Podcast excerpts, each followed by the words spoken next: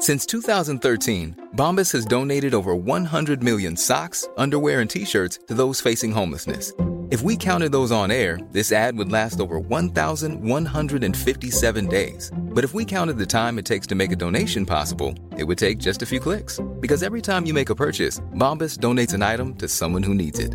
Go to bombas.com slash ACAST and use code ACAST for 20% off your first purchase. That's bombas.com slash ACAST, code ACAST. I'm Sandra, and I'm just the professional your small business was looking for. But you didn't hire me because you didn't use LinkedIn jobs. LinkedIn has professionals you can't find anywhere else, including those who aren't actively looking for a new job but might be open to the perfect role, like me.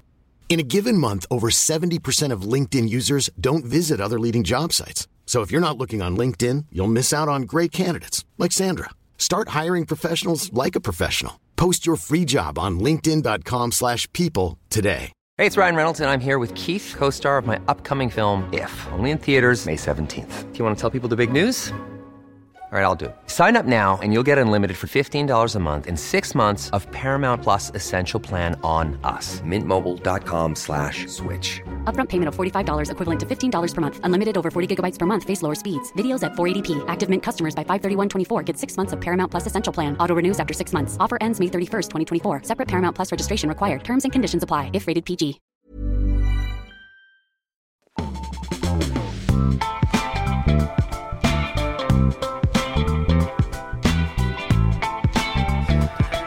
Det är nyhetsshowen om man säger som sänder ut idag torsdag 15 februari. Ja, nu är vi halvvägs eh, mot mars om man börjar från första februari. Eller vad säger du Carl Jansson? Halvvägs på väg rätt in i skitmånaden mars. från uraskan i elden. Du, eh, idag så ska jag prata om att eh, Tobias Billström blev avbruten igår i riksdagen av skanderande människor som protesterade när han läste sin utrikesdeklaration. Sen var han med i Aktuellt där han blev avbruten igen av programledaren. Kanske snarare pressad då om Israels krigsföring. Sen blir det en liten bit också om kändismiljardären som köpt in sig i det här Academedia nu och som vill stå för en riktig game changer i eh, friskolevärlden, koncernvärlden.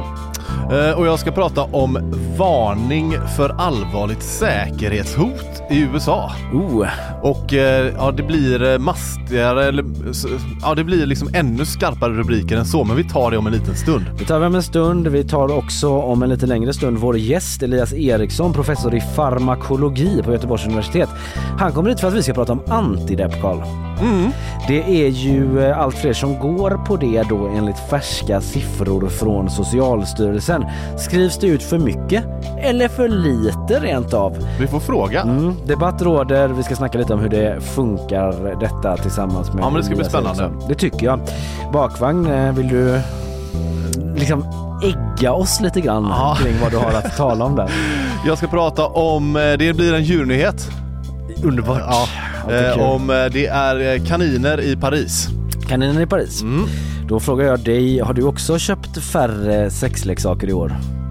Eh, ja. Ja, för det är så svenskar har betett sig tydligen inför alla hjärtans dag. ja, men det är ju inflationen och räntan Ja, och precis. då har man ju inte råd. Nej, då får man spara in Då på man ta- buttplugsen eller vad det nu kan Då handla om. tager man vad man har Ja, hemma. jag tar bara två sådana här stjärtkulor.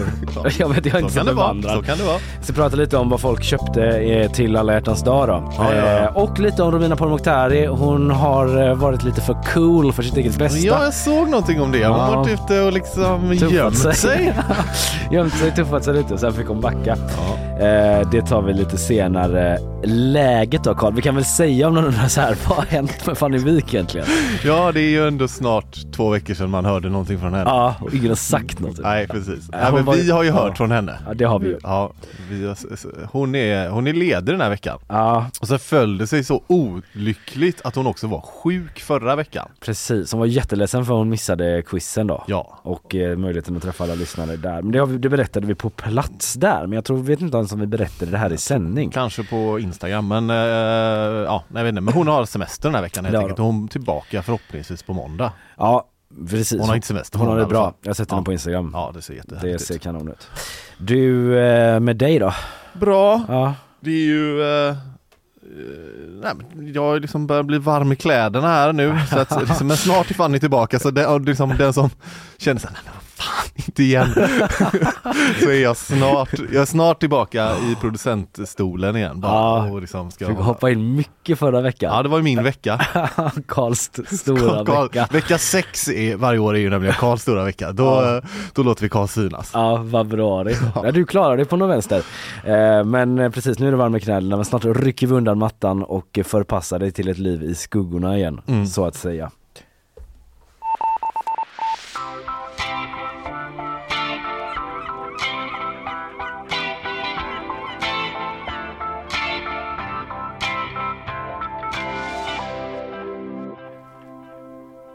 Jag satte en liten rubrik här. Varning för allvarligt säkerhetshot Ja, i USA. i USA. Ja. Vad är det som eh, de varnar för? Jo, eh, igår var det då, så går kväll kom det väl i svensk tid, meddelade ordförande för det amerikanska representanthusets underrättelseutskott. Mm.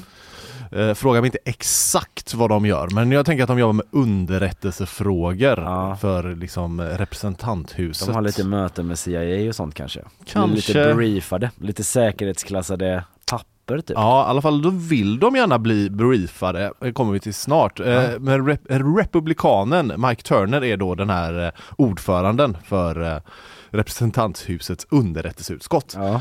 Han har då eh, gick ut med att man fått uppgifter om ett allvarligt nationellt säkerhetshot.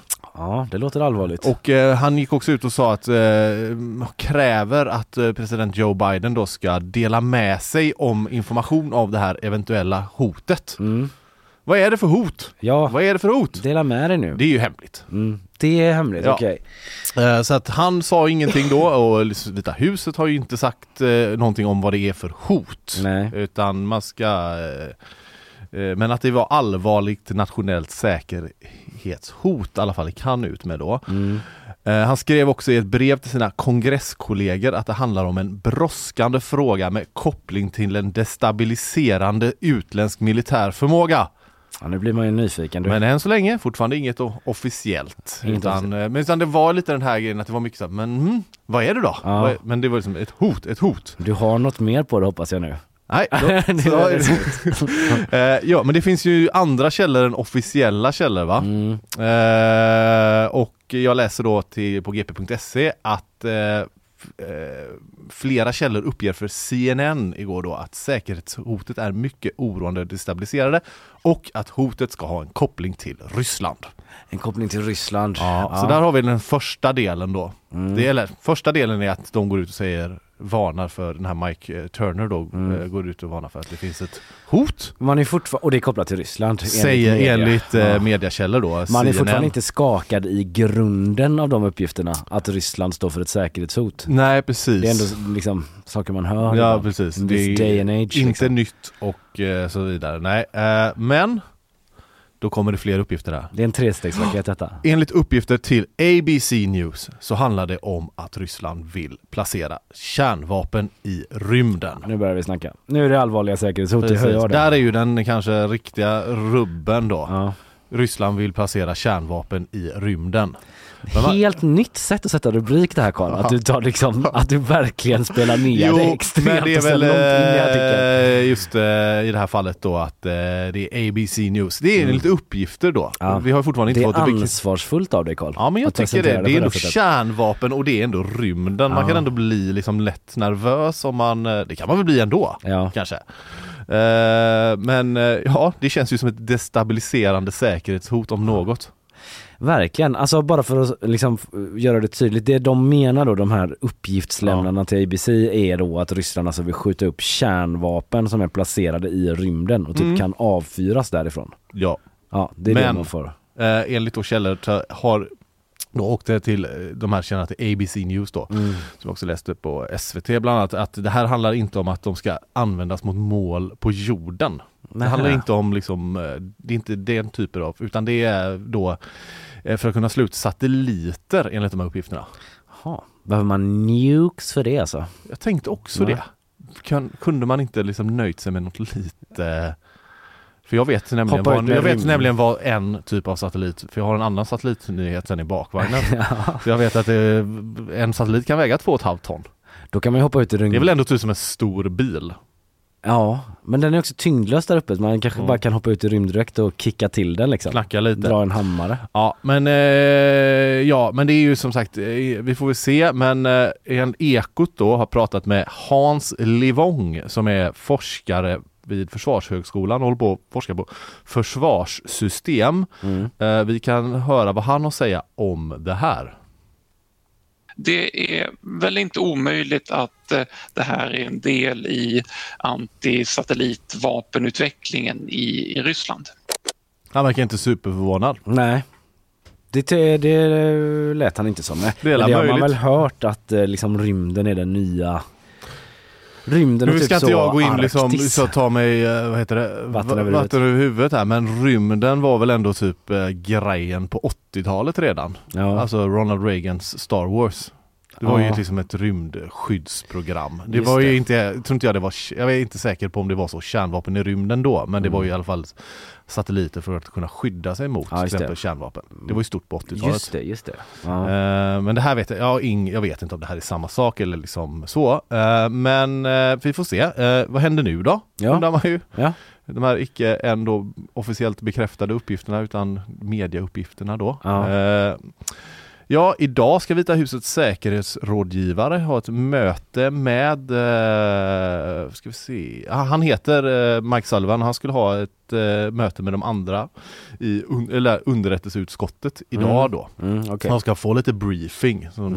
de eh, har och jag såg att eh, eh, enligt, enligt SVT då så ska den här Jake Sullivan ha erbjudit ett möte redan tidigare i veckan till kongressledamöter och bara så.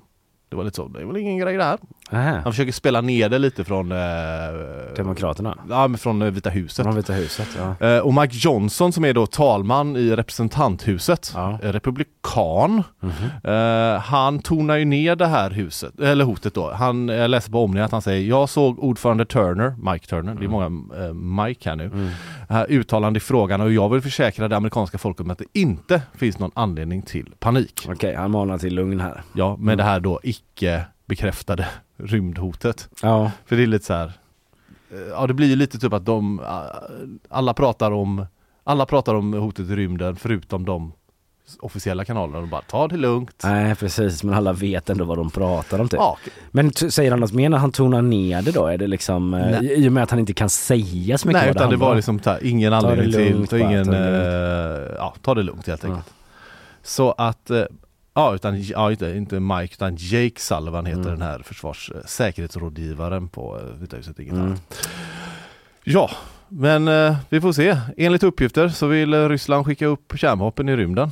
Ja, Vi får väl eh, lämna det därhän. ja Och- tyvärr känns det tyvärr, ja. Han hade velat veta lite mer.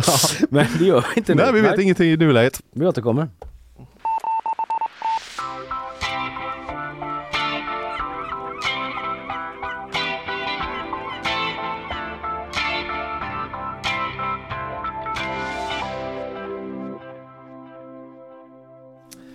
Du Carl Jansson, igår var det dags för Tobias Billström, vår utrikesminister, Mm. att läsa upp regeringens utrikespolitiska deklaration i riksdagen.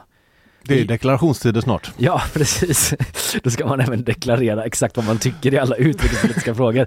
Har du lämnat in den till Skatteverket? Din, din Står och trycker in den första maj just under springan i dörren så.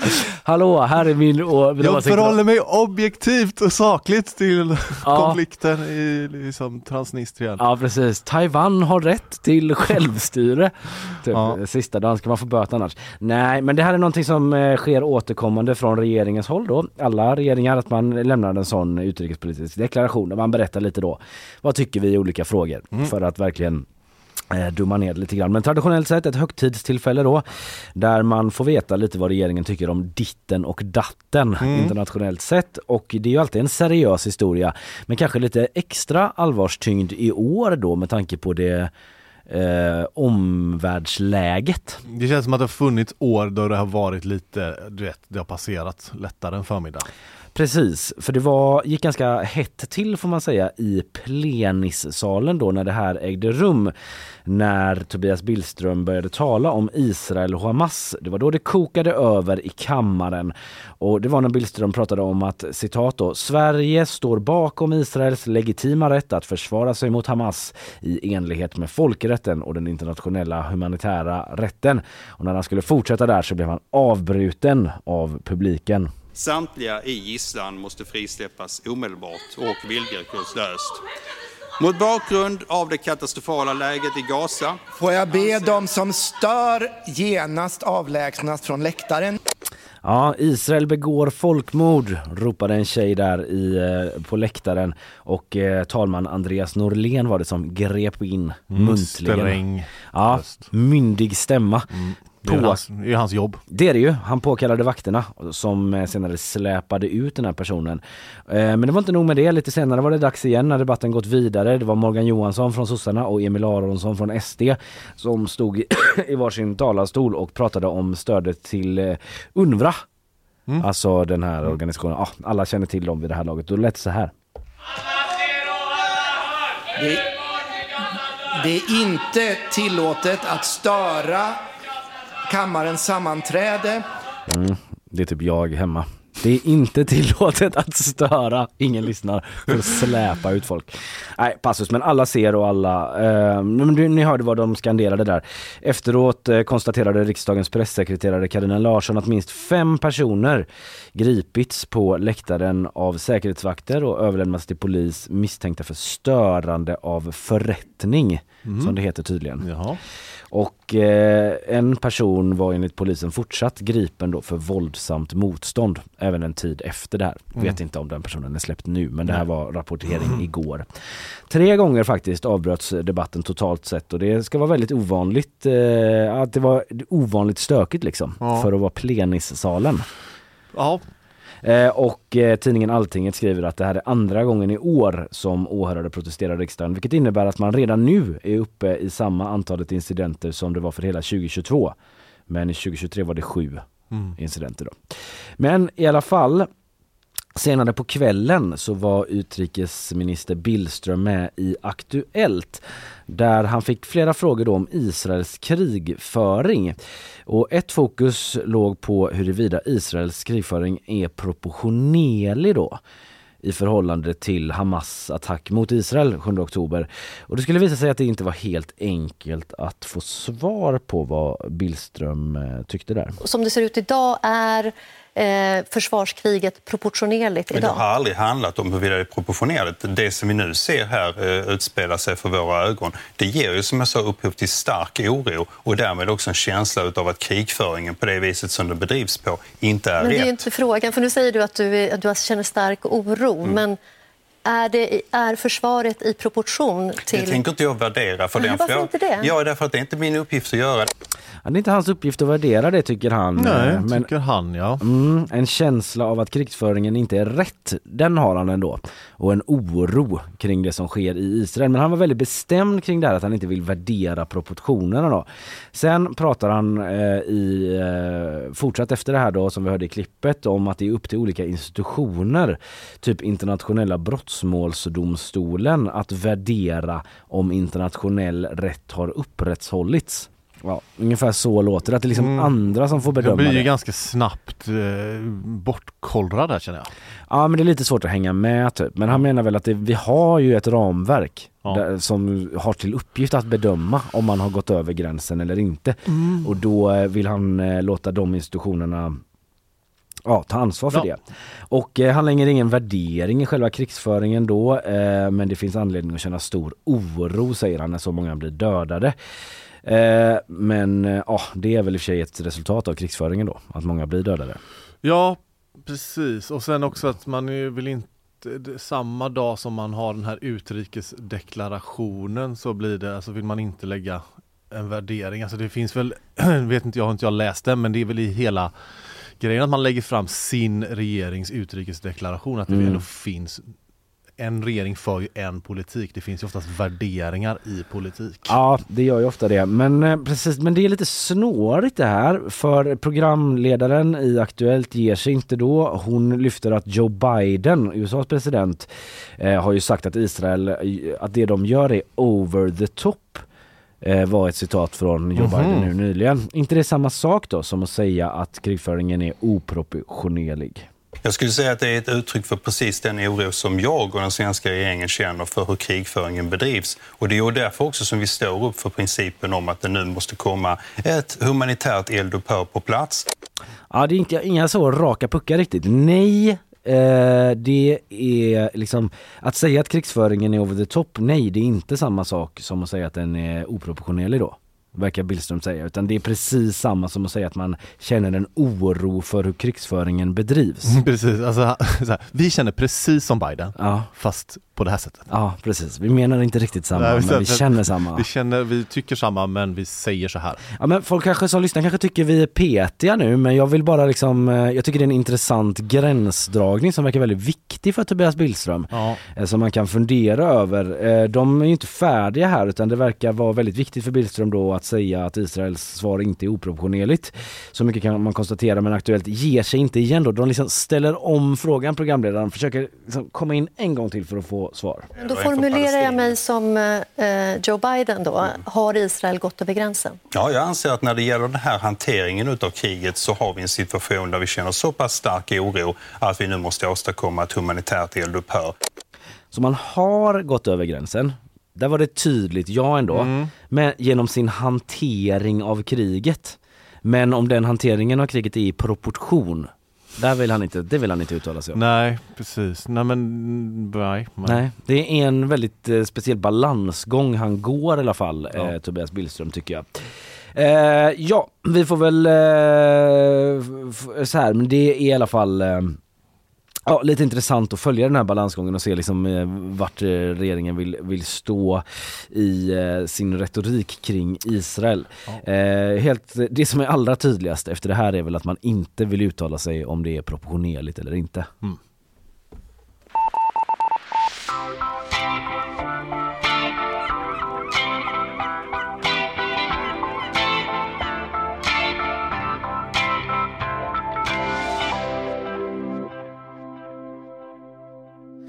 Ja, vi ska snacka friskolor snart.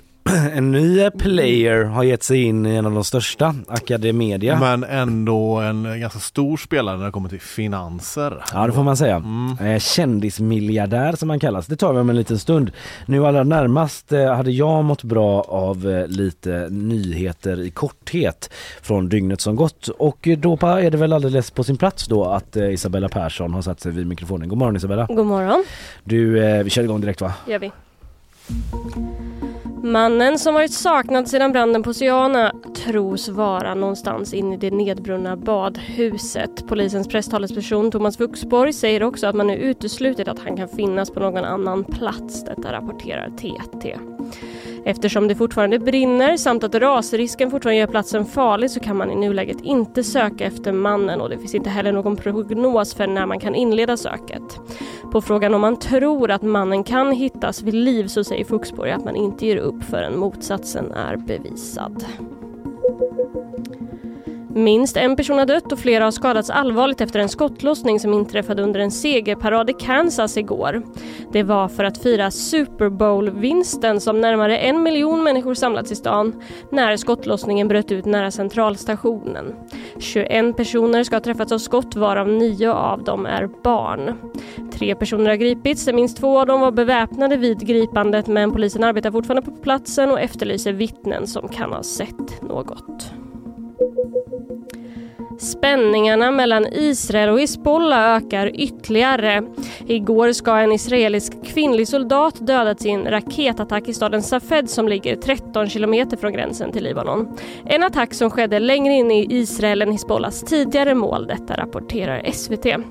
Och det blev ett kraftigt svar från Israel. Säkerhetsminister Itamar Ben-Gvir postade på X att attacken citat innebar krig och senare inledde man flera luftangrepp mot Libanon.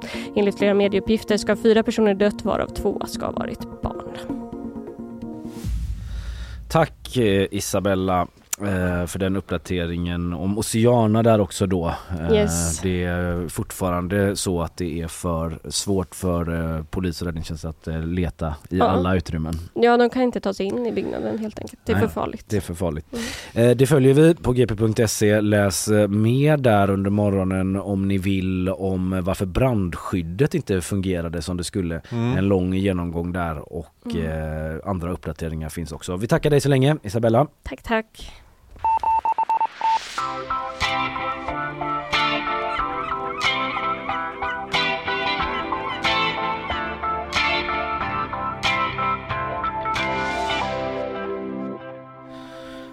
Karl, Karl, Karl, Karl, Karl. Är du redo för lite fler nyheter? Ja. Kändismiljardären Roger Akelius blir ny storägare i Academedia. Läser jag på Aftonbladet. Det är ju, alla skriver om det Ja. igår. Men eh, kändismiljardären, har du koll på honom eller? Alltså jag har lite koll på honom. Eh, jag har en eh, kompis som bor i Berlin. Och Aha. eh, Roger Akelius har varit eh, lite kritiserad i Berlin vet jag. Jaha, varför det då? Eh, jag har inte det riktigt men det har att göra med, han har fått kritik för att han eh, köp, har köpt bostäder och gjort eh, renoveringar och sen Mm. har priserna gått upp. Ja, jag läste kort om det, att han eh, sa att han eh, angående generellt om hans fastighetsaffärer, att han liksom har gjort folk till miljonärer. Det var mer hans take på det. Mm. Att man gör om det till bostadsrätter då, så kan folk köpa loss det. Men liksom stridbara tyskar har varit, han har varit lite i skottgluggen där vet jag. Ja, men, det är han, väl och, så. han och andra tror jag. Det är väl så när man tjänar de stora pengarna Mm. att då kommer man också göra sig några, några fiender. I alla fall jag tänkte dra, li- innan jag drar själva liksom, nyheten om det här med friskolan och så, lite bakgrund på honom då. Mm. Eh, han är en kändismiljardär skriver Aftonbladet. Ingen Taylor Swift kanske? Inte Nej, känd på det inte viset. känd på det sättet. Han med alltså, säsong, ny, senaste säsongen av Let's Dance. Nej, nej precis. Eh, han har inte sett sig i en rumba Celebrity så. Robinson. Nej, eh, men han är känd i, sin, i sitt skrå för att han är så ohyggligt rik då. Snuskigt rik är han. Han har enligt det, i Dagens Industri en förmögenhet på 100 miljarder kronor. Ja. Och eh, enligt Snuskigt GP, rik ja. Ja det får man ju ändå säga. Mm. Och eh, i en artikel i GP från tidigare år så läser jag att 95 eh, av dessa miljarder ligger i olika välgörenhetsstiftelser och 5 eh, miljarder då i en annan stiftelse som förvaltas av honom själv och hans arvingar. Mm. Eh, 78 år är han, han äger massa fastigheter också. Han har även kallats för Sveriges största skatteplanerare. Eftersom att, eh, ja, han har sysslat ganska mycket med det. Han gav ut en bok på 80-talet som gjorde skatteplanering till en grej typ. Att, Jo, så här, då. gemene man liksom fattade bara, åh fan det kan man göra. Eh, på Wikipedia läser jag om det. Eh, han håller kurser i skatteplanering. Inte vad som, men alltså att ställa, att göra det i Sverige på så här 80-talet, Ja. det är ju verkligen att typ så ta på sig ett rött, rött skynke och så ställa sig rätt in i bara ett tjurhäng Ja. i Sverige på 80-talet. och göra Skatt, alltså, Att det var så höga skatter då eller? Ja men också typ alltså, ja. Fast det var också typ det glada 80-talet med massa yuppisar med sådana jättetelefoner som bara köp, sälj, köp. Ja absolut. Det fanns ändå en stor entusiasm till att kunna tjäna precis. pengar. Men jag tror det ändå var ganska edge, edgelord att göra det på 80-talet. Ja, det verkar ha varit tidig på det. Han hade liksom kurser på Cypern, Barbados och Mallorca bland annat då, där man liksom lärde sig att, eh, att eh, planera med sin skatt, typ deklarera väldigt bra, hitta liksom snillrika lösningar. Han sa till GP 2018 så här, för 30 år sedan sålde jag 20 ton böcker per år i ämnet skatteplanering. De senaste 20 åren undviker jag alla artiklar med ordet skatt. Genom att inte ha någon inkomst så får jag ingen skatt. Mm. Det är väl så då, det låter som ett snillrikt upplägg. Det är väl lite det här med stiftelser och sånt misstänker jag. Jag är ingen expert. Nej, det är svårt att veta exakt av hur. Man själv är man ju lite mer så, helvete deklarationen! eh, så har man kanske inte planerat den eh, jättenoga. Men i alla fall lite bakgrund på honom då nu när jag kommer in på själva nyheten. Ni kan googla för att lära er ännu mer. Han har gjort lite av en resa, ganska intressant person då. Nu ger han sig in i skolvärlden med buller och bång. Han säger att han vill förbättra för eleverna, vilket gjort aktieägarna rasande. Eh, nej, men eh, man kan säga så här att aktien föll i alla fall för den här koncernen Academedia med 11% under onsdagsmorgonen. Ja det väl ganska mycket. Ja, ingen...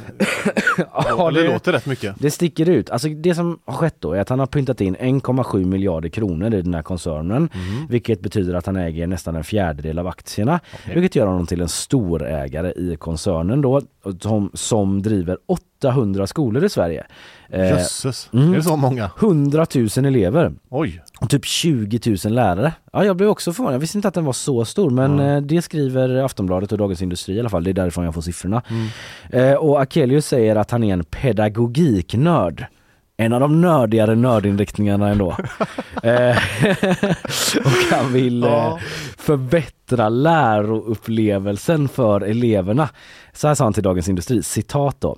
Det är därför som jag gör den här affären. Min dröm är att kunna visa att tusentals fler elever är godkända efter nian. Att tusentals fler klarar högskoleprovet. Att barn till invandrare kan skriva och räkna på svenska. Och att mobbningen i skolor minskar radikalt. Så det är, spänner han bågen här liksom. Det får man ju säga. Ingen mobbing. Vi, ens. Eh, och det är väl ändå en av grundbulten i den svenska skolan. Jag skojar bara. Eh, Ja, jo, det är väl bra. Eh, nej jag vet inte. Men i alla fall att han inte vill squeeza ut vinster som han säger. Eh, han vill att Academedia inte ska ha några vinstkrav, än mindre några utdelningar till aktieägarna. Och eh, det är ju det då som Mm. har lett till att många liksom säljt av sina aktier. Ja, det är ändå, eh, det är ändå ganska starka papper. Ja, eller hur? så. Det är något av en I, game i, changer. ett, liksom aktie, I ett aktiebolag. Ja, sen är ju frågan då om han får igenom detta då, för han äger typ så 24,4 procent. Mm. Och det är ju inte... Inte ehm, 51. Nej, exakt. Eh, Så då måste han ju få med sig övrig styrelse och aktieägare och sådär på det då. Men han säger så här, ja om jag får bestämma, till Dagens Industri säger han det, vill jag vara tydlig med. Om jag får bestämma så blir det ingen utdelning. Generellt är utdelning en brist i matematikkunskaper. För friskolor är det viktigare att hjälpa lärare och elever än att ge utdelning. Det sa han igår. Sen under morgonen idag då så hade Dagens Industri en ny artikel där rubriken är, alltså på tal om att aktien föll då, eh, att Akelius inte viker sig trots kursfallet. Vinsterna kommer i steg två säger han till det. Så då kommer det ändå vinster kanske då. Mm, mm. Jag, jag vill ändå liksom att vi ska hålla någon form av så kritisk hållning till det här. Ja, du tänker att det inte bara är philanthropy? Nej, det tror jag inte. Nej. Eh, för då hade han kanske startat en egen liksom, stiftelse skolor skulle jag gissa. Ja just det, det hade Till man exempel. kunnat göra. Ja. Ja, vi får väl se, vi vet bara vad han säger liksom. Mm. Eh, Det återstår att se vad som sker men eh, Dagens Industri frågar honom i alla fall i den här artikeln som jag såg under morgonen här då. Varför skulle övriga aktieägare gå med på noll vinst och noll utdelning? Mm. Det är en bra fråga. Ja, det är ju verkligen Om man bra då fråga. har liksom investerat i en skolkoncern för att liksom tjäna lite cash. Då säger han, Akelius så här, i alla företag som jag gått in i har jag har jag som högsta prioritet att försöka förbättra för kunder och anställda. Det lustiga är att om man gör bra grejer och beter sig hedervärt så kommer vinsterna i steg två. Så på det låter det ju ändå som att liksom det här ändå ska leda till eh, vinster senare då. Ja, alltså man har ju inte tjänat 100 miljarder genom att inte plocka ut vinst. Nej, det är ju Det en kan vi väl ändå liksom, eh, vi kan, även du och jag som har bristande kunskap inom företagsekonomi slå fast va? Ja, men Tror precis. vi. Men det kanske går att tjäna 100 miljarder genom att så göra gott. Ja, man ska det säga kanske också. gör. Vi får se Mm. liksom. Ja, men hur- det, alltså, det kan väl också vara att han liksom tycker eh, att han tycker att så här, nej men det här, här har det saker och ting inte skötts på det sättet som jag ser att jag tycker att man borde sköta ett Nej. företag. Utan, och sen har, kommer han in med liksom en retorik som ändå sticker ut. Ja, i sammanhanget ja. Det kan ju vara så att de liksom tjänar lite de tjänar pengar men kanske tjänar mindre pengar. Mm. Vi får se helt enkelt. Eller så eh, är det sluttjänat på pengar. I den svenska skolan. Det hade ju varit en jätte I game alla fall inom changer. Academedia. Ja, precis. Och Mm. eh, då, precis om alla andra skolkoncerner fortsätter att tjäna liksom hiskeliga summor. Men Mm. de bara slutar tjäna pengar. Hur ska Då får jag gå? sitta här med min liksom, kritiska hållning och skämmas. Ja, lång näsa Mm. på kritiska Karl. Eh, kommer han få igenom det här då för Academedia? Eh, det i frågar, hur bedömer du möjligheten att få som du vill? Sannolikheten är 90% för att utdelning är bortom två år säger han. Mhm. Så kanske är det en mega game changer inom en av Sveriges största friskolekoncerner eller så är det bara business as usual.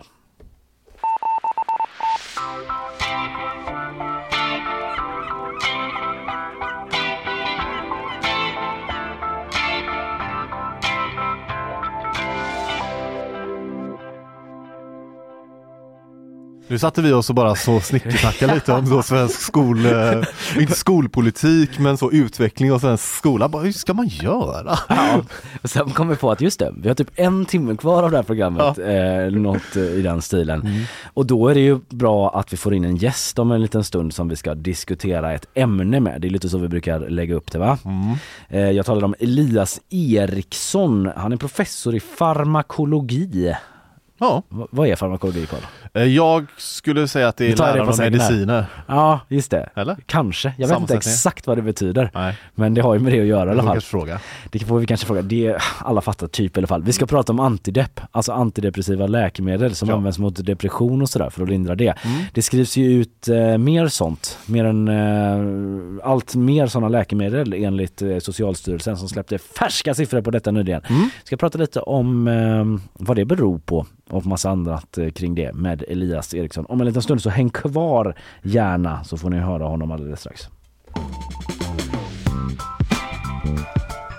Nyhetsshowen 15 februari, torsdag har vi Carl Jansson. Ja. Filling in for Fannevik och eh, Kalle Berg heter jag. Dagens gäst är på plats i vår studio. Vi ska prata om antidepressiva läkemedel för allt fler använder sig av det. Det visar eh, siffror som kom nyligen från Socialstyrelsen. Samtidigt så är det ju liksom medicin som är ständigt föremål för debatt. Skrivs ut för mycket eller för lite? Tycker kanske vissa. Eh, detta och en del annat ska vi få prata om nu tillsammans med dagens gäst som är professor i farmakologi. Läran om läkemedel förklarade han för oss. Visst mm. var det det? Eh, och eh, han är professor i farmakologi på Göteborgs universitet. Elias Eriksson. God morgon Elias. God morgon.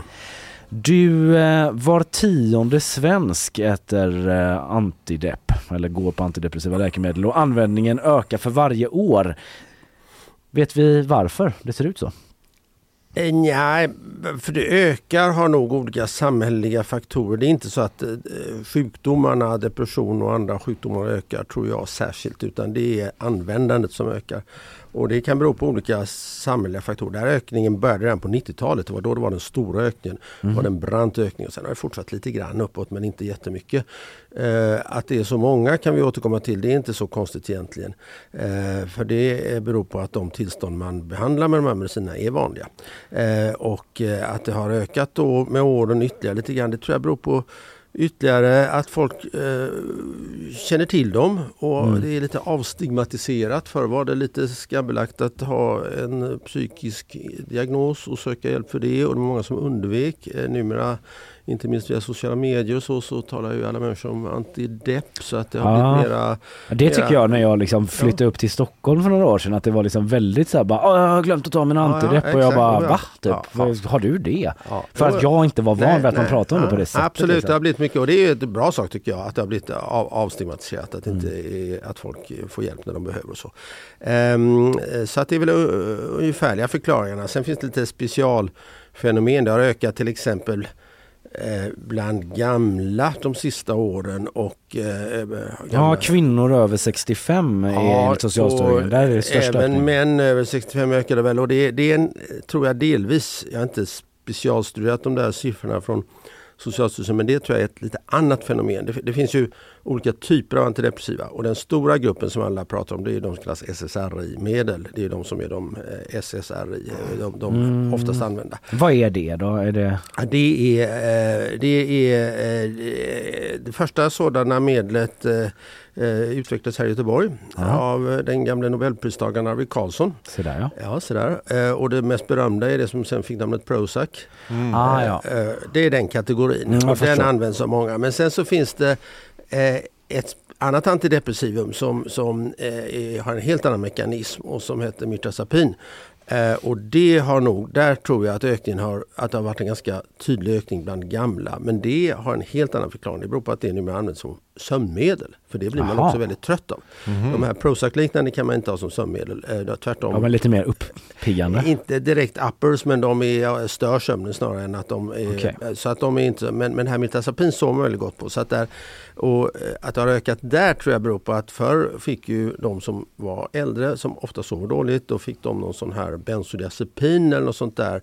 Ni vet de här eh, Rohypnol och sånt Mm, där. Och, narkotika. Eh, exakt, så de har man då slutat använda för att de är beroendeframkallande. Mm. Sen kom det en lite light-variant av dem som heter Z-substanserna som var på Z. Eh, Solpidem och Sopiklon och så. Och de har man också blivit lite bekymrade över att de eventuellt är beroendeframkallande. Och då är inte det här mirtazapin det alls. Så det är en annan förklaring till att antidepressiva ökar. Men det är alltså inte alls för behandling av depression. Nej.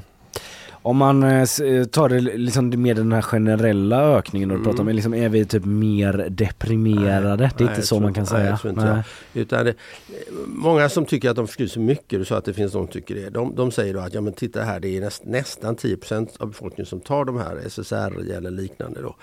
Eh, och eh, det är bara 5% som är deprimerade. Det måste ju vara för många då. Men vad man hela tiden glömmer i den debatten det är att de här medicinerna används för en massa andra saker också.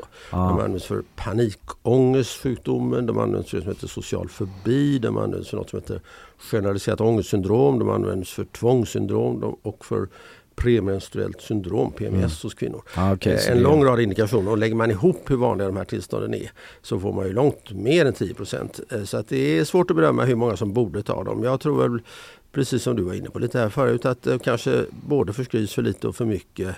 Eh, lite slentrianmässigt att de skrivs ut i primärvården kanske till folk som bara är ledsna för att livet är tråkigt. Ja men det finns ju en sån kritik liksom Ja, ja. att det släpp, skrivs ut lite lättvindigt typ att eh, det är en lösning för vårdcentraler eh, där man är pressade, att det är så lång väntetid till psykolog typ och att man inte hinner med att utreda patienten så skriver man ut antidepp. Vad tänker du liksom om den kritiken?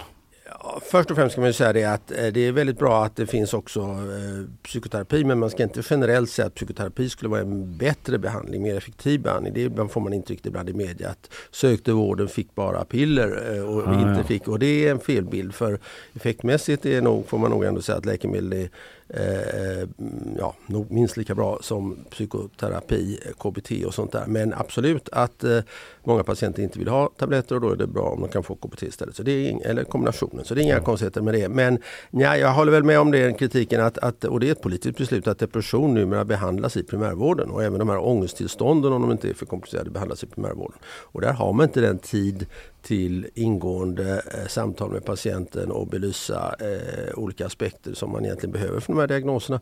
Så jag håller med om den kritiken. Då kan det bli att det skrivs ut lite slentrianmässigt. Men förlåt då en okunnig men då skulle alternativet vara att det behandlas av specialister, att man får I träffa dem snabbare? ja, i Ja. psykia, inom psykiatrin och för, för, för, eh, fram, för på, på 60-talet kan man säga, då fanns det, redan då fanns det väldigt effektiva antidepressiva medel, eh, nästan lite effektivare än de som finns idag faktiskt. Eh, men de hade vissa nackdelar, de var till exempel giftiga i överdos, om patient tog en överdos så kunde de Mm. dö. Och de hade rätt mycket biverkningar. Så de ville inte allmänläkarna kännas vid utan då var depressionsbehandlingen angelägenheten för psykiatrin. Sen kom på 90-talet de här SSRI-medlen med mycket mindre biverkningar och då började allmänläkarna tycka att det där var hanterbara substanser i vår verksamhet. Mm. Och då flyttade man över depressionsbehandling och ångestbehandling i stort sett till primärvården. Och det är ekonomiska skäl och eh, lite olyckligt tycker jag att det är så men det kan inte hjälpas. Men då blir det lite, kanske lite slentrianmässiga Mm, förskrivningar. Jag tänkte på eh, så här, försöka förklara för någon som inte är så insatt. Alltså, vad är en depression och hur hjälper antidepressiva det? Alltså man har ju hört eh, liksom, kanske väldigt slänga definitioner som så lyckopiller och så Ja, vidare och det det är det ju Ja, inte. ja, ja, Men ska man, kan man, Ja, man kan finns det någon enkel definition? Ja, eh, depression är ju då en sjukdom eh, som då eh, går bland annat med sänkt stämningsläge, att man inte är glad, men också många andra symptom. Man vaknar i gryningen, man förlorar lust till allting, ingenting är roligt att göra, eh, man förlorar intresse för att äta mat, eh, sex, eh, sånt man normalt är intresserad av är inte kul längre. Eh, en, en, ibland påtaglig ångest och så vidare, massa symptom.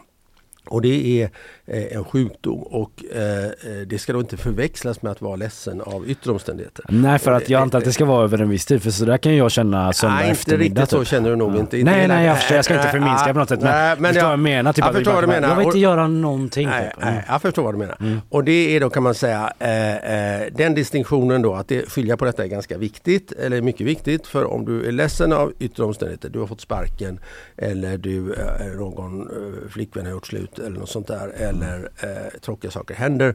Då ehm, hjälper inte de här pillren. Nej. Och då ska man inte skriva ut dem.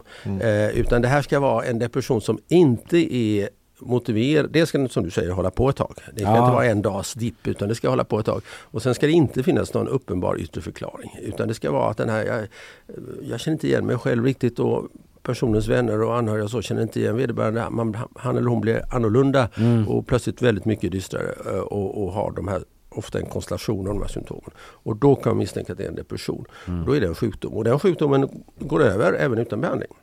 Så det här är inte en livslång sjukdom utan man blir deprimerad och även om man inte får någon behandling brukar det gå över efter kanske ett halvår eller så. eh, Plus minus. Av Ja. liksom att livsomständigheter Nej, förändras? typ. utan av sig själv. Det är ja. det som är så konstigt. Ingen vet varför man insjuknar. Man kan insjukna när man har det toppen. Man behöver inte ha det minsta bekymmer hela livet så blir man plötsligt deprimerad. Mm. Jättekonstigt. Sen Men- kan det utlösas av, av negativa faktorer också. Det kan vara så att en anhörig dör. Först blir man normalt ledsen och sen går det över en depression. Mm. Men det kan också komma helt som en blixt från klar himmel. Men då vill man eh, behandla det med eh, psykofarmaka för att liksom så... eh, Påskynda tillfrisknandet. Eh, Och fler- lindra under tiden eller? Lin, dels lindra, ja, man ska inte bara lindra utan läkemedel är så bra så att målet är att patienten relativt snabbt ska bli symptomfri. Ja. Det här är, man ska bli fri från depression och det gör man precis så- alltså, att påskynda tillfrisknandet så att säga. Och, det gör man av två skäl. Dels för att plågan är så stor så länge man har det så kan man förkorta den när det är bra och dels är det här ju en potentiellt allvarlig sjukdom i det att vissa tar livet av sig Mm. eh, om, de, om depressionen blir djup och, Mm. eh, och det vill man ju väldigt gärna undvika. Så därför är det också viktigt att offensivt behandla den här i tidigt skede. Är det svårt att liksom eh, hoppa av antidepressiva? Ja, det där är en het potatis. Eh, nej, det är det inte. Eller ja, så, oh, jag har ibland sagt i olika intervjuer att nej, de här är inte beroendeframkallande och det står jag fast vid. Men då får jag alltid väldigt arga brev från folk som säger det de visst, jag är beroende på de här och du måste vara köpt av läkemedelsindustrin som säger något annat. Alltså folk som brukar de här? eh, Ja eller, alltså, känner- ja, eller som har snappat upp det här någonstans. Att, för det, det, det sägs mycket på sociala medier nu att de skulle vara beroendeframkallande. Mm. För det första kan jag säga att läkemedelsindustrin är numera helt ointresserad av de här läkemedlen. Så det är ingen, de, de, det här har sl- släppt sitt patent för 20 år sedan. Jaha. Så att Varför det? De tjänar inte... Nej, patentet går ut efter Aha, ett tag och då har man inga, tjänar man inga pengar. Så att just den konspirationsteorin att vi som försvarar de här medlen i någon mån, att vi skulle vara köpta av industrin, den kan man släppa för det Mm. var länge sedan industrin hade det minsta intresse. Men i alla fall, eh, sanningen om det här är, tycker jag är så här. För det första finns det någonting som heter Eh, sant drogberoende och då är det så att vissa substanser som ni vet direkt när man tar dem känner man en eh, eh, behaglig känsla. En Mm. kick, en eufori, en, eh, en, en eh, high, en, en, någonting sånt där. Mm. Och det är direkt kopplat med att jag tar den. Åh, nu tog jag den. Mm. Känns bra. Eh, och vissa av dem, och det är till exempel alkohol, är en sån. Eh, de här smärtstillande opioiderna är sådana. De här gamla sömnmedel vi pratar om, bensodiazepinerna är sådana. Och vissa människor som tar sådana kan då fastna i ett väldigt starkt beroende. Mm. Och då är ju beroende i den här katastrofen i USA, opioidskandalen där ni vet när Ja, ja, eh, folk dör ju Mm. varje dag. Pågår för fullt, fentanyl liksom. Pågår för fulla Mm. muggar. Jättetragiskt. Um, där, där, där, eh, och där läkemedelsindustrin har spelat en väldigt bovaktig roll.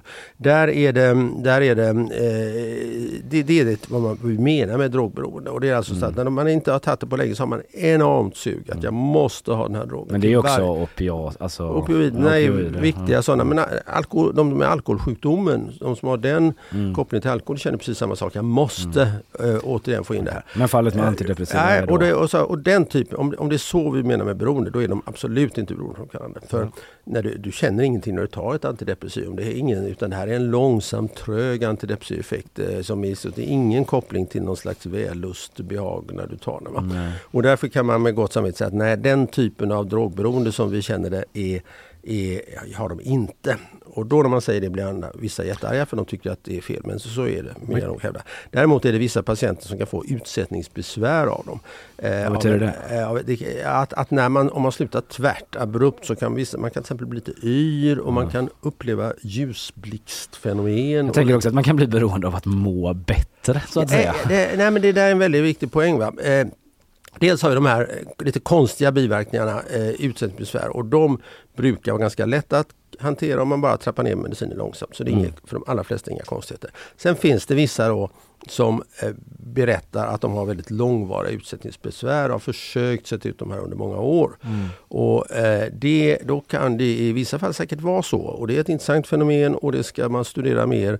Men eh, det kan inte vara särskilt vanligt för då skulle liksom allmänläkaren inte använda de här medicinerna. Om alla patienterna hamnade i den situationen skulle det vara känt. Däremot, eh, och i vissa fall kan det kanske vara så att man tror att det är utsättningsbesvärsmediciner.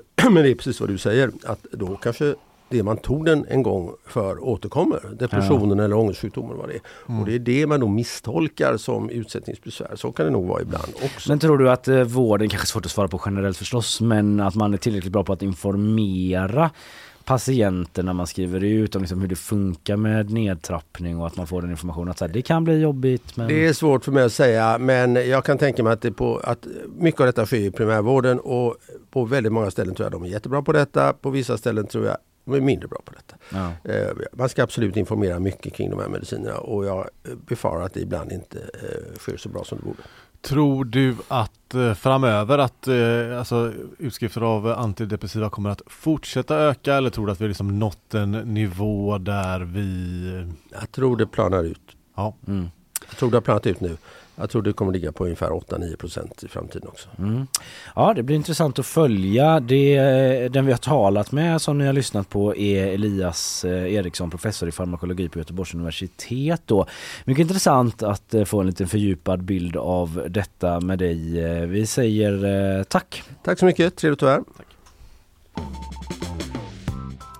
da dej di di do da. Hej. Hej da. Det här är den enda antideppen jag behöver, den här jingeln. Nej nu förminskar jag Ja, det igen du. på något sätt. Det känns okänsligt. Ni förstår det inte riktigt så jag menar. Men den piggar upp. Det gör den men jag Du skulle brukar inte... spela den kan jag ju säga det inför, jag brukar, eh, liksom när jag har producerat brukar jag ibland dra upp den så att den hörs i studion, studion, innan ja. vi drar igång. För du vet att då börjar jag rida, dida, Jag vet att du kan inte hålla dig. Nej, men jag skulle självklart inte som läkare skriva ut den till någon med klinisk depression. Nej. Det hade inte räckt på långa vägar.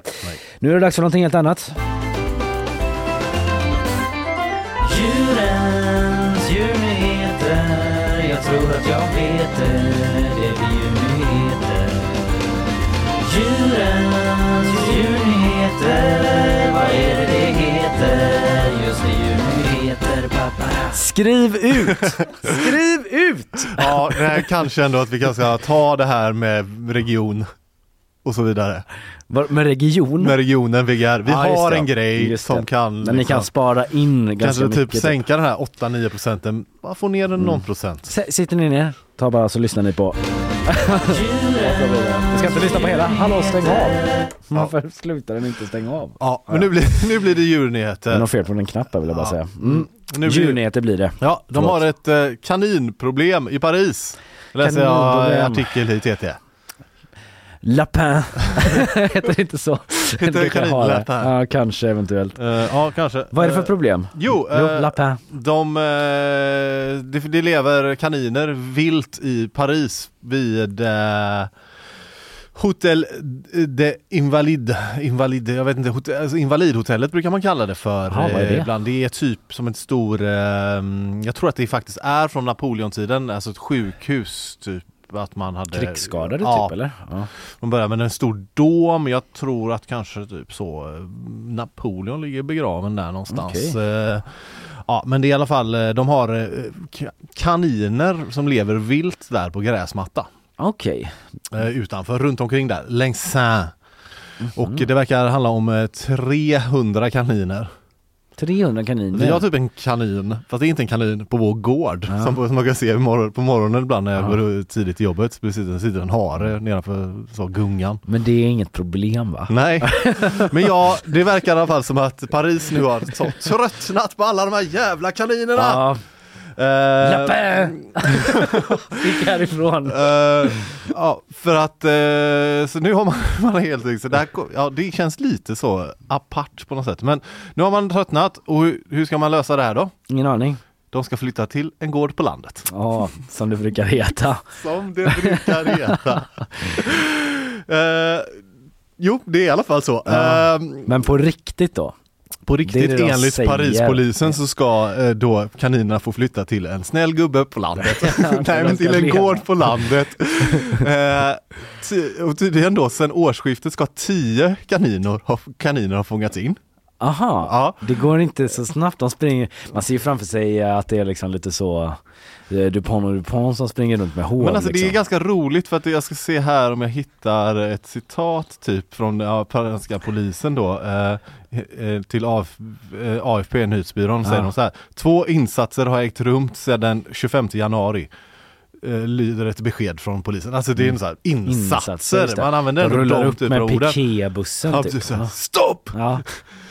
Five oh, five oh, springer alla kaninerna iväg. Men de har fångat tio stycken och de har fått åka till en lantegendom i Bréau. En eh, by som ligger utanför eh, Paris, det ser skitmysigt ut. Tio stycken men då är det ändå, du sa att det var omkring 300. 300 till Ja och med. precis, att de Ja. jobbar alla vidare. Det är ju svårt att fånga en kanin. Försök. Ja, jag har aldrig försökt men Eh, för de verkar ju då, eftersom de inte ska liksom bara skjuta dem på plats. Shoot on site är inte eh, Parispolisens metod, utan det är en lant, eh, flytta till landet. flytta till landet.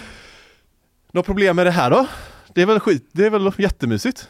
Ja, jag Den här inga, som jag såg be och googla bilder. inga större problem med det. Nej, eh, det skulle vara det här jägarförbundet som har sitt högkvarter i Bréau då. Jaha, de vill inte ha Det några finns kaniner? nämligen ett jägarförbund som har sitt högkvarter i den här mysiga lilla lantbyn. Jaha.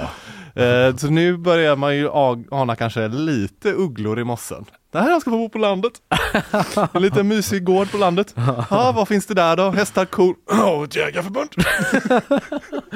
Men eh, vi vet inte om de kommer liksom Ja, det här har då kritiserats osäkra sina av djurets, eh, både, både att jaga kaninerna eh, och att de ska eh, skickas till den här lantegendomen Mm. där det då finns ett jägar, ett, feder, ett federalt jägarförbund, eh, franskt federal, sån federation, Ja. viltvård och jaktförbund. Eh, Men vad då tror man att de kommer släppa ut kaninerna där och så kommer det jägarförbundet bara stå som eh, Saken är att polisen säger att eh, de eh, kommer inte, eh, ska vi se, Parispolisen har lovat att inga kaniner kommer att bli jagade. Nej, de har lovat ja, det? för att de har Ja. fått kritik av djurrättsgrupper protesterar mot polisens ingripande, larmar om att djuren far illa under stressiga transporter, ja det kan ju Ja. vara eh, allvarligt, och att hur de då kan eh, liksom, ja, kanske då jagas eller bli avlivade trots, alltså att, att, att polisen helt enkelt kör den här gamla barnlögnen bara. Ja. En snäll gubbe på landet.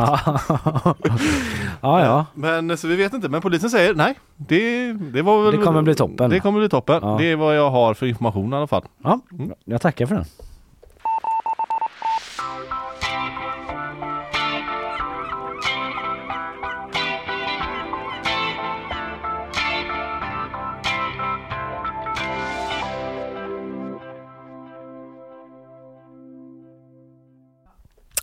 Jag sitter på dubbla Putin-nyheter Karl. Mm. Det Ja, eh, Ryssland idag. Ja, mycket Ryssland idag. Eh, Du pratade ju om dem förut. Eh, Nu så är Putin ute och tackar en amerikan. Och den amerikanen är Tucker Carlson. Tack tack. Tucker Tucker. Tucker, Tucker. Tackar Tucker för intervjun. Jag skulle vilja tacka Tucker för intervjun. Eh, vi pratade ju om det. Det var ju eh, Tucker Carlson som blev den första amerikan, amerikanen att intervjua Putin sen krigsutbrottet då. Ja. När han reste till Moskva och gjorde den här eh, kritiken som han, eller vad säger jag, den här intervjun som han fick mycket kritik för Mm. av många andra journalister som tyckte att han var lite för slapp, att han blev liksom en del i propagandan för Ryssland, en megafon då. Det var ju ganska kraftig kritik från liksom profilerade amerikanska utrikesjournalister Ja, hon- och liksom, vad var det, hon var från eh, Aman Poor, hon ja. från CNN. Som var så här, vi har försökt varje dag. Ja. Han vill inte svara på eh, våra frågor utan bara på dina frågor. Jag som när jag är utomlands gillar och kan fastna vid CNN eh, ganska länge. Ska du med en badarkalle? Nej, nej. nej, nej. Nu är det Kristina Amanpour som ska dra sitt utrikessegment typ. Mm. Eh, vet att hon är något av en big shot och hon var ju väldigt kritisk då. Men eh, Putin eh, var nöjd då. Och det kanske också spelade i händerna då på kritikerna naturligtvis att Mm. Putin tyckte det var en toppenintervju då. Eftersom vi inte kan ha en direkt dialog med väst behöver vi vara tacksamma mot herr Carlson för hans roll som mellanhand säger Putin till journalister i uttalanden som distribueras av Kreml. Mm. Så eh, precis, han kallar honom ju inte för journalist utan han kallar honom rakt ut för en mellanhand. ja precis, tänk om man bara känns det direkt om vi hade haft Putin här i nyhetsshowen. Han sa tack så mycket Linnea Rönnqvist, Kalle Berg för att ni var sån fin mellanhand. mellan oss och eh, väst. Ja. Ja. då hade man ju haft i eftersnacket eh, på redaktionen lite grann eh, känt att ja, blev det här så himla bra då verkligen Mm. om vi är mellanhand. Eh, dessutom, förutom, alltså det är också lite ett tack med, från sidan eller med vänsterhanden eller vad heter det? Eh, för att han är också lite så kritisk mot Tucker Carlsons intervjuteknik. Han var liksom inte helt nöjd med intervjun för eh, han säger att han är besviken på att det inte var så tuffa frågor. Att han förväntade sig mer tuffa frågor i den här intervjun som för övrigt har 200 miljoner visningar på X, tidigare Twitter. Mhm. Men att han tänkte att eh, Carlson skulle vara mer aggressiv. Alltså Tucker Carlson är ju ganska aggressiv i vanliga fall. Han gapar och skriker en del. Det gör han, det kan man objektivt säga. Eh, Putin säger, jag var inte bara redo för det. jag var inte redo för det bara. Eh, utan jag hoppades på, på, eh, på att det skulle vara mer aggressivt då. För det skulle ha gjort det möjligt för mig att svara på samma sätt. Så han skulle också sitta och skrika då. Ja, kanske. Eh, det är Ja, lite ja. så det Mm. låter. Vi minns ju, det var en lång intervju, vi spelade ju några klipp här senast Mm. eh, eh, där det var ganska fnissig stämning. De skrattade en del, det var lite så skrockande. Och lite historiska exposéer va? Och Ja, inte så lite heller. Det var väl en 20 minuter. Bara Let me tell you Tucker, Mm. 800 efter Kristus. Mm, Polen. är du med mig? Ja lite så var det ju också då. Men då var han kritisk i alla fall eh, och tyckte att eh, Tucker Carlson kunde eh, tryckt på lite hårdare. Det är den första Putin-nyheten. Jag Mm. har inte sett eh, Tucker Carlson. Ehm, Jag tänker att Tucker Carlson, för den andra delen som du hade nu att det var så här, men det kom också lite kritik. Alltså tuppkammaren reste sig lite på hans, jag sa, det var en del tuffa frågor också. Han var för snäll. Ja, precis. Tråkig läsning för Tucker Carlson på något sätt ändå. Alla, jag vet inte om man kommer få Eller chansen inte, igen. vi vet Eller inte. inte. Eh, den andra nyheten handlar om att Putin också då, jag undrar om det är i samma sammanhang till och med, men att han har uttalat sig också om eh, det amerikanska presidentvalet. Vem föredrar du Putin blir eh, president i USA? Mm. Det är man ju nyfiken på då. Eh, Han fick frågan hur han resonerar kring detta och eh, då var han inne på att han hellre vill att Po- eller vad säger jag, Biden blir president än Mhm. Trump. Jaha. Och det har att göra med då att han tycker att Biden är typ en mer förutsägbar person. Att Trump är lite oberäknelig och att han då jag vet inte, det är min tolkning men att han tycker kanske det är lite enklare att operera eh, världspolitiskt eh, mot någon eller liksom eh, med någon som är... Ja men som kanske kommer hålla då, om man ska utfå det att han säger det sant att eh, han håll, Biden eventuellt skulle hålla en linje i fyra år i alla fall. Ja, kanske ha en tydligare utrikespolitisk deklaration då Ja. som Tobias Billström medan Trump är lite mer så eh, Det känns ju spontant som att det kan svänga lite där. Det känns så ja. Eh, han fick också frågor hur han resonerar kring Bidens mentala hälsa. Det har ju rapporterats en del om det då. Mm. Eh, och då tog han Joe Biden i försvar och hänvisade till när de träffades senast i Genève 2021. Ja det är ju en tre år sedan nu snart då. Men då säger han att jag träffade Biden i Schweiz. Det var för tre år sedan. Redan då sa de att han var inkompetent. Jag såg inget sånt. Okej, ja han tittade i sitt papper. Jag tittade på mitt. Ingenting. Mycket konstigt citat. Fast det är också lite en sån bara, nej nej nej, de säger, du vet, om man ska försvara någon bara, jag vet att alla säger att han är totalt inkompetent. Ja, och visst, han tittar i sina papper, han kommer De inte säger ihåg. att han är dement och de säger det här. Och typ så här, men vänta det är väl ingen som har sagt det? De, Det är vad de säger. Men jag minns för tre år sedan förvisso. de säger att han har slutat att slå sin fru. Och, Ja, men liksom, han tog upp tillfället, står det här i artikeln, då Joe Biden slog i huvudet när han slog ut i en helikopter i somras. Det är också en grej då. Ja. Jag vet inte hela sammanhanget, jag kan inte ryska, jag har inte sett det här samtalet utspela sig, men att man då liksom så bara, ja visst de säger att han är inkompetent, men det såg inte jag. Sen att han slog i huvudet i en helikopter, det är en annan grej. Men då eh, säger han att, eh, vem av oss har inte slagit i huvudet i någonting, säger Putin enligt Financial Times. Har du slagit i huvudet i någonting? Va? Jo det har jag ju. Ja. Ja men då så. Ja. Ja, då är det väl och, ingen för, och för de grabbarna är ju en helikopter, det är ju vardagsmat. Precis, så det är som att jag slår i en dörrkarm ungefär, att de slår i ingången till en helikopter. Så lite så eh, liksom snällhet mot amerikaner från Putin fast ändå lite med en armbågen kan man väl säga.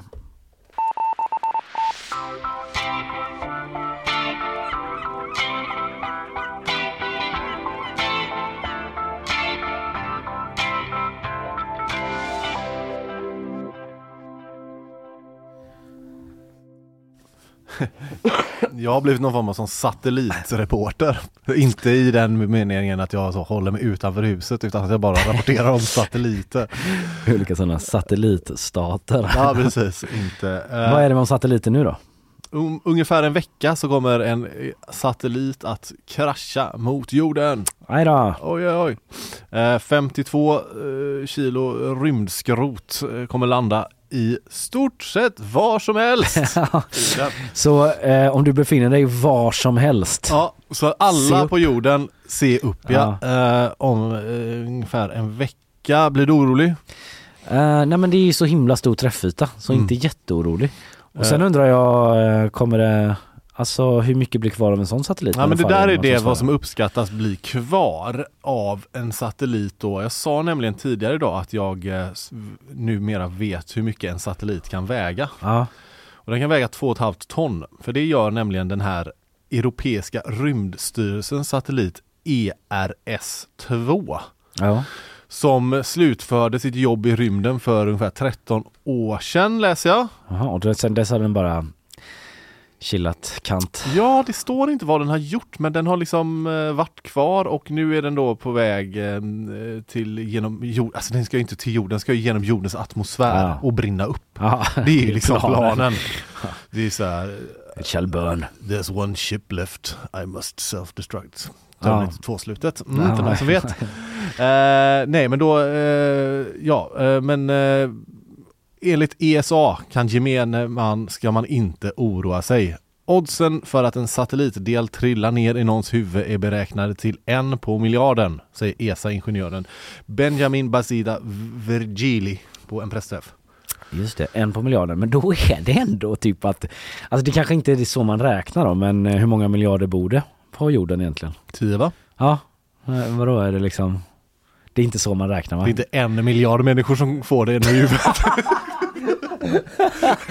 det är det inte. Nej just det. Man står inte i sådana... Men är det typ att det blir Nej jag vet inte, nu är det Nej, jävla nej. dumt. nej men okej man ska inte vara orolig. Nej, en det på miljarden, det är jätteliten chans. Det Det, är blir just- en på miljarden för varje enskild person ju. Det är ju så det måste vara tänkt. Mm. Men jag menar om den skulle slå ner över Indien eller så här. Det är så många där. Mm. Mm. jag vet Men det är ju större, större delen av jordens yta täcks ju av vatten så förmodligen kommer det slå ner Ja. i vatten. Där sa du något Carl. Den här stängdes av 2011 som jag sa då 13 år sedan eh, och på ett sätt som innebär att farkosten gradvis skulle falla tillbaka mot jordens atmosfär i syfte att minimera mängden rymdskrot just som kretsar kring planeten. Men nu kommer det då 52 kilo. Eh, en annan liten bara, så jag var sista här. ESA har lovat att rymdskräpet från deras uppdrag ska vara ner på noll fram till 2030. Jaha. Då blir det ju slutskräpat. Ja, för det är ett väldigt stort problem det där, eh, eller det skulle kunna vara, jag hörde någon sån P3 Dystopia om det. Att Mm. liksom så här det där rymdskrotet Ja kan... men det här är väl då att det ska liksom sakta, sakta gå ner mot jorden för att så brinna- Allt rymdskrot liksom. Står det? Ja. Från För- deras uppdrag ska vara det, alltså de, det är väl rymdskrotet som är där är ju svårt att plocka ner. Ja, Men det är väl det. Men det har ju ändå varit sådana där, eh, det kanske bara är på eh, liksom eh, ritbordet så att säga, men att man skulle åka med någon typ av liksom hov, typ dammsuga rymdskrot. Säkert. Så att säga. Vad säger du, skulle du helst så här, dö för vetenskapens skull och bli träffad av rymdskrot i huvudet? Är det verkligen det jag kör då? att det är för Ja, men, vetenskapens ja, eh, jo men lite, eller så i ett med naturen och bli träffad av en blixt. Eh, blixten, tror jag.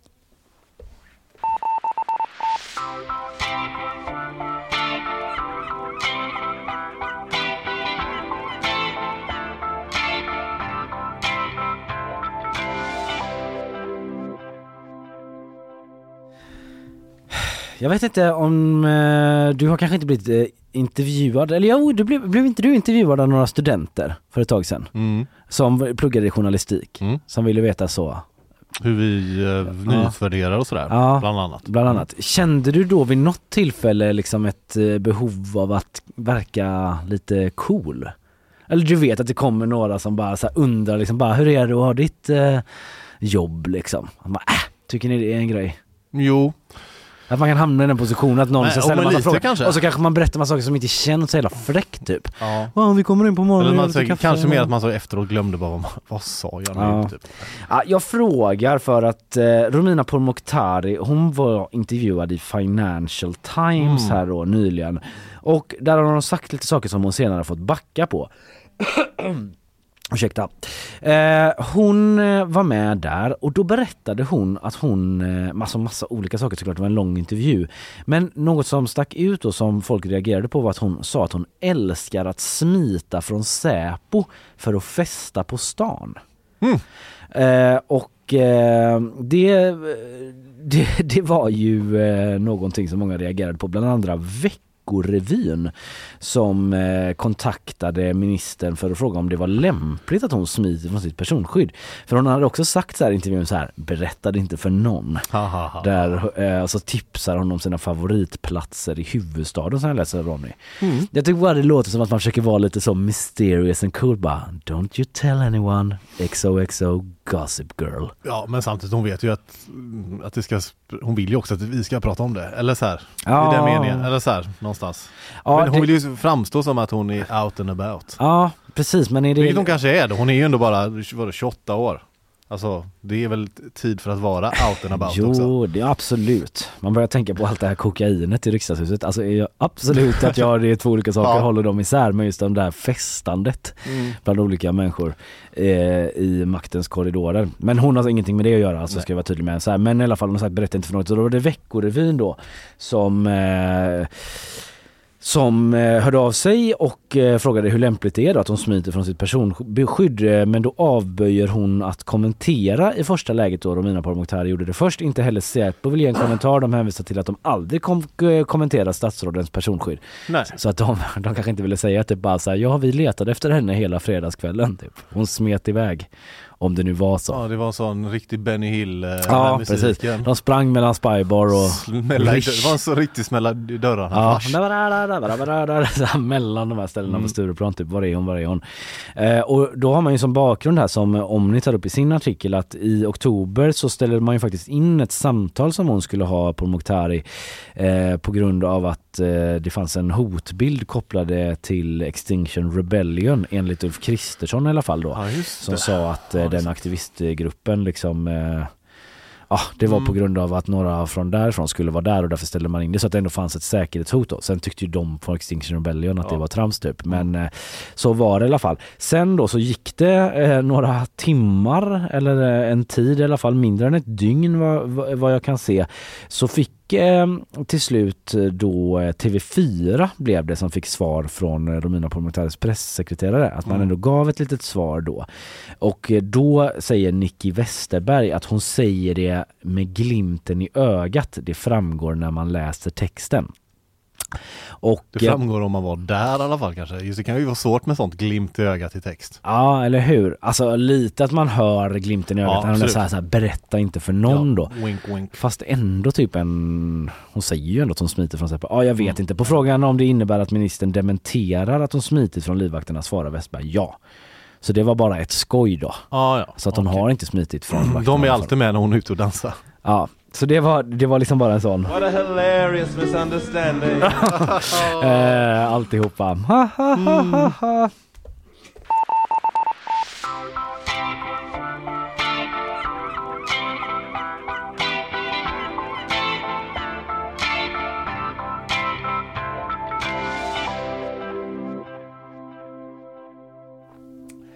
Konstskal.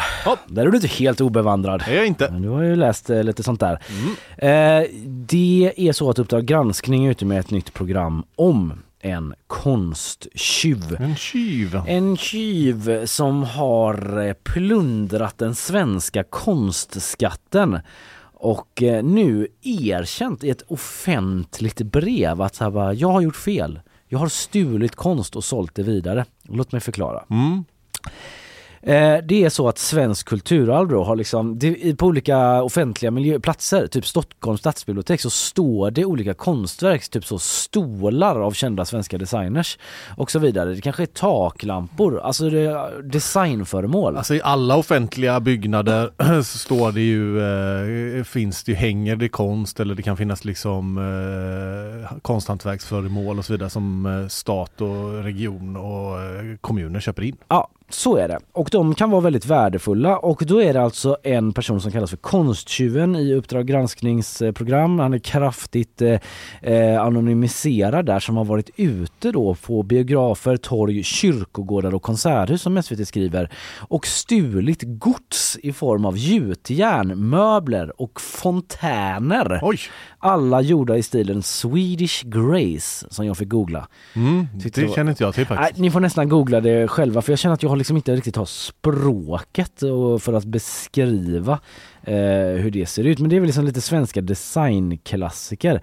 Eh, typ porslin och sånt men också möbler så här. Eh. Rörstrand och lite andra sådana här typer av porslin hittar jag. Mm, Ja. Okej, men jag God. tror jag förstår ungefär. Googla det så får ni se då. Och eh, det som också sticker ut är att den här personen har liksom snott de här grejen på vissa fall ganska uppseendeväckande sätt och sålt det vidare. Och då eh, så upplever den här tjuven att det också varit ganska eh, accepterat typ att det är stöldgods just när man har känt, sålt vidare det till en eh, liksom kulturelit. Mm. Eh, som det beskrivs då. Emily eh, eh, säger här liksom att eh, eller jag tar det sen när vi ska lyssna på ett klipp nämligen för att eh, jag vill nästan, jag vill på det här klippet lite grann för att eh, det som SVT har gjort eftersom de har anonymiser- anonymiserat så mycket det är att de har låtit en AI liksom göra rösten till den här konsttjuven. Så om det är någon röst som ni tycker låter lite speciell då så, eh, så är det den och det är ett litet ihopklipp här då av personer som eh, är inblandade i det här och den här eh, eh, tjuven då. Det var en sån här skenmanöver, så några gick för att prata med personalen och be att få hjälp med någon bok i det andra rummet, där skärnrummet. Så bara bar de ut stolen. Den som hämtade stolen, det var jag. Aha. Ja, Okej, så det var du? så det var jag som använde den. Det här är konstobjekt, alltså det är Harald Vadsjö som har formgivit de här elementgallerna. Eh, ja, det var jag som tog dem. ja, lampan var ju i stort sett nedsliten liksom, så det hängde tåtar liksom från, från taket. Så. Jag tror jag bara svepte rocken över den. Baren under armen, gick ut. Eh, Ja, ett litet hopklipp där från Uppdrag granskning. Så dramatisk AI var. Ja, har de skrivit in så typ så kulturintresserad tjuv? För den pratade lite så, jag tror jag bara svepte rocken över. Jag svepte bara rocken över den. Ja. Så här, tjuv som kommer in på scenskolan. Ja, men det är det vi pratade lite om det förut. Annars brukar man kanske ha någon sån scenskoleelev som typ så dramatiserar och läser in anonymiserade citat. Eh, nu är det AI, men här verkar man ha liksom, de verkar ha mötts på mitten lite grann Mm. i alla fall. Men som vi hörde då, det är med en situation eh, där eh, den här konsttjuven är med på stadsbiblioteket och liksom berättar för en kvinna som jobbar där att bara, ah, det var jag som stal dem. Hon bara, aha. Typ, eh, Mm. Ja, Jaha, vad var, varför gjorde du det då? Eh, och det här är från ett Uppdrag granskning som eh, släpptes igår kan jag säga också om man vill liksom se hela då. Eh, så det, det är väldigt speciellt och det som skett är också att den här eh, eh, konsttjuven eh, har släppt ett, eh, ett öppet brev som ändå var ett lite speciellt eh, sätt och liksom, eh, har, han har ångrat sig. Mm. Eh, och känt att så här, det här var inget bra. Eh, Att slänga rocken över grejer. Nej precis, och det är också det då för att hon eh, på Stadsbiblioteket Mm. berättade typ att, alltså, att det var liksom Typ som att någon gjorde någon avledningsmanöver där borta Mm. och sen har de gått ner och bara ja, ryckt ner typ, Mm, eh, mm, eller tagit den här stolen eller nu kanske jag är på lite olika platser där Ja, men typ bara så här, ryckt ner en takkrona där det bara hängde ut lite tåtar efteråt. Mm. Så det är ganska så Ja. kyligt opererat. Verkligen. Bara gå in på en offentlig plats och typ rycka ner en takkrona. Mm.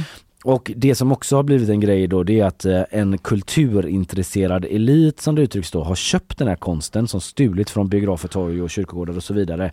Eh, och eh, att de typ eh, har ändå acceptera accepterat att de är stulna. Enligt konstjuven själv då har stölderna varit allmänt kända och han säger att han sällan fått frågor från antikhandlare och samlare eh, om sin egen liksom eh, eh, brottslighet och så säger han att jag gjorde en avvägning om det var värt det. Jag tycker att det var värt det så det är väl upp till en domstol att avgöra om man vill döma mig för det. Mm. Jag antar att, eller jag ska inte föregå utredningen men eh, han har ju stulit dem. Ja. Ja, men eh, han tycker det var värt det i Ja, alla ja, fall. Då. mm. Eh, så det är väldigt speciellt. Man får väl se hela Uppdrag granskning eh, om man eh, är mer nyfiken. Eh, de har också med i SVTs nyhetsartikel om det en eh, person som har köpt den här, konst av den här konstjuven Ja. som är anonym då.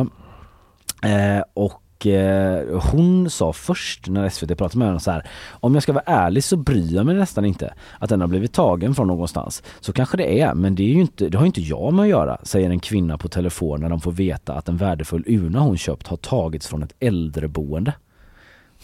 En lite oväntad reaktion bara, nej men det har väl inte jag med.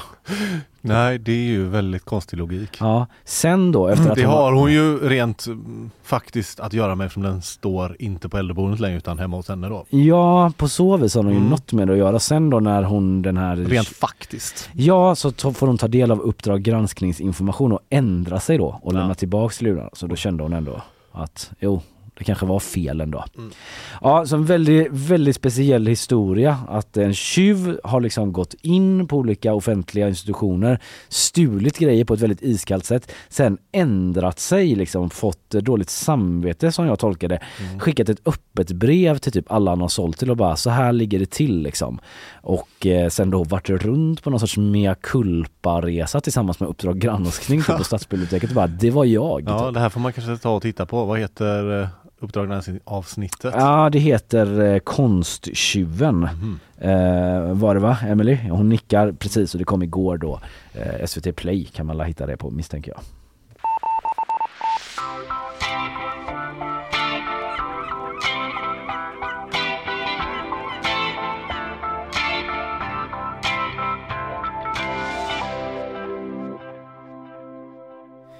Jag frågade dig i början av programmet Karl ifall du också köpt eh, färre sexleksaker i år. Mm. Och då svarar jag ja, men det är väl också kanske nej, jag vet inte. För att du redan låg på en... Jag har liksom allt jag behöver. ja. eh, anledningen till att jag frågar är att svenskarna generellt inför alla hjärtans dag har köpt eh, väldigt eh, mycket färre sexleksaker. Det har gått ner med eh, 47 procent. Ja precis, Oj. inte enheter utan 47 procent. Det var liksom, det var ändå igår va? Alla hjärtans dag. De Ja. var snabba på den statistiken. Ja men så här, eh, det är faktiskt en eh, liten invändning man kan ha. Det är den här eh, prisjakt heter de väl? Ja, den här sajten som Mm. jämför olika priser helt enkelt. Som har undersökt eh, vad folk liksom har typ googlat på inför. Ja, ja. Alltså vad de vill köpa då. Yes. Och eh, då är det mellan eh, 28 januari och 11 februari och alla hjärtans dag var ju igår, Mm. alltså 14 februari. Så då menar de på liksom att alla, ja det är vad man har googlat då. För annars kanske alla hjärtans dag-present är en sån grej man köper typ samma dag känner jag.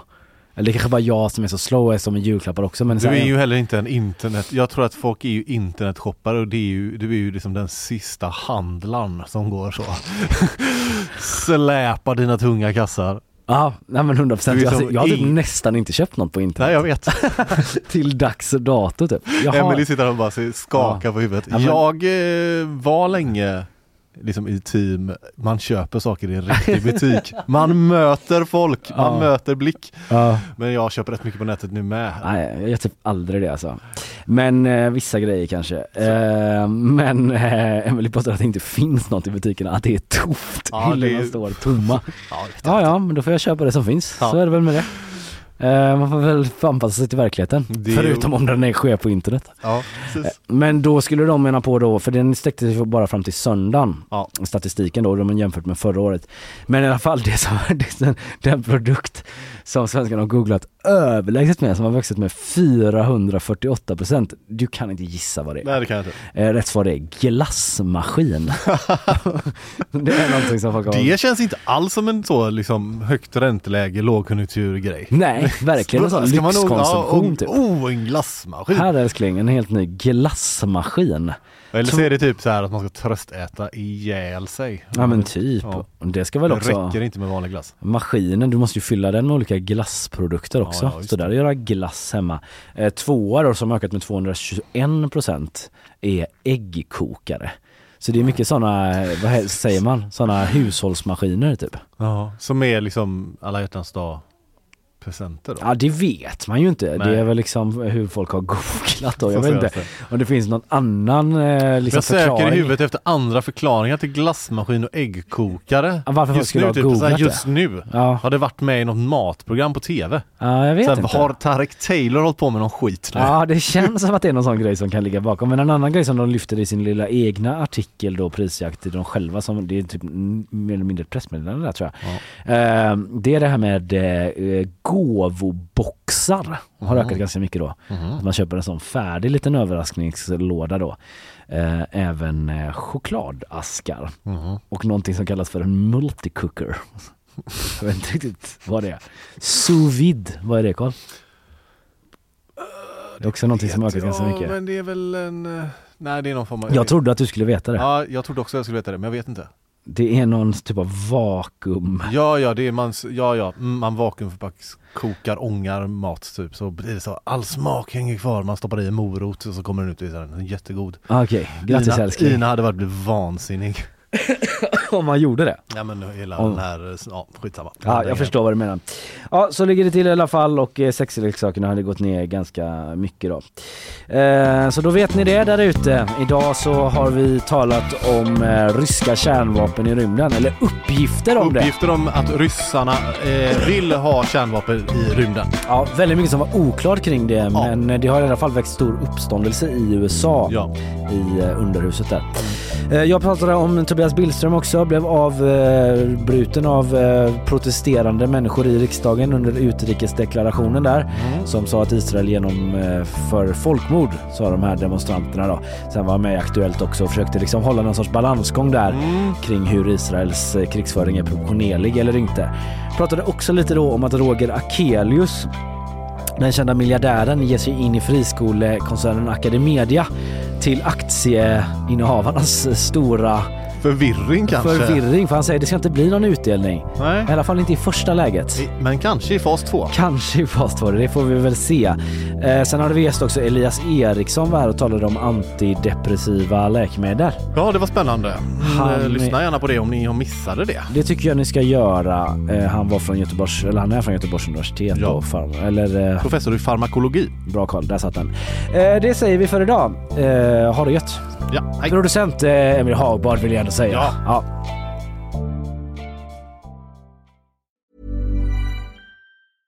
Even when we're on a budget, we still deserve nice things. Quince is a place to scoop up stunning high-end goods for 50 to 80% less than similar brands. They have buttery soft cashmere sweaters starting at $50, luxurious Italian leather bags, and so much more. Plus, Quince only works with factories that use safe, ethical, and responsible manufacturing. Get the high-end goods you'll love without the high price tag with Quince. Go to quince.com/style for free shipping and 365-day returns.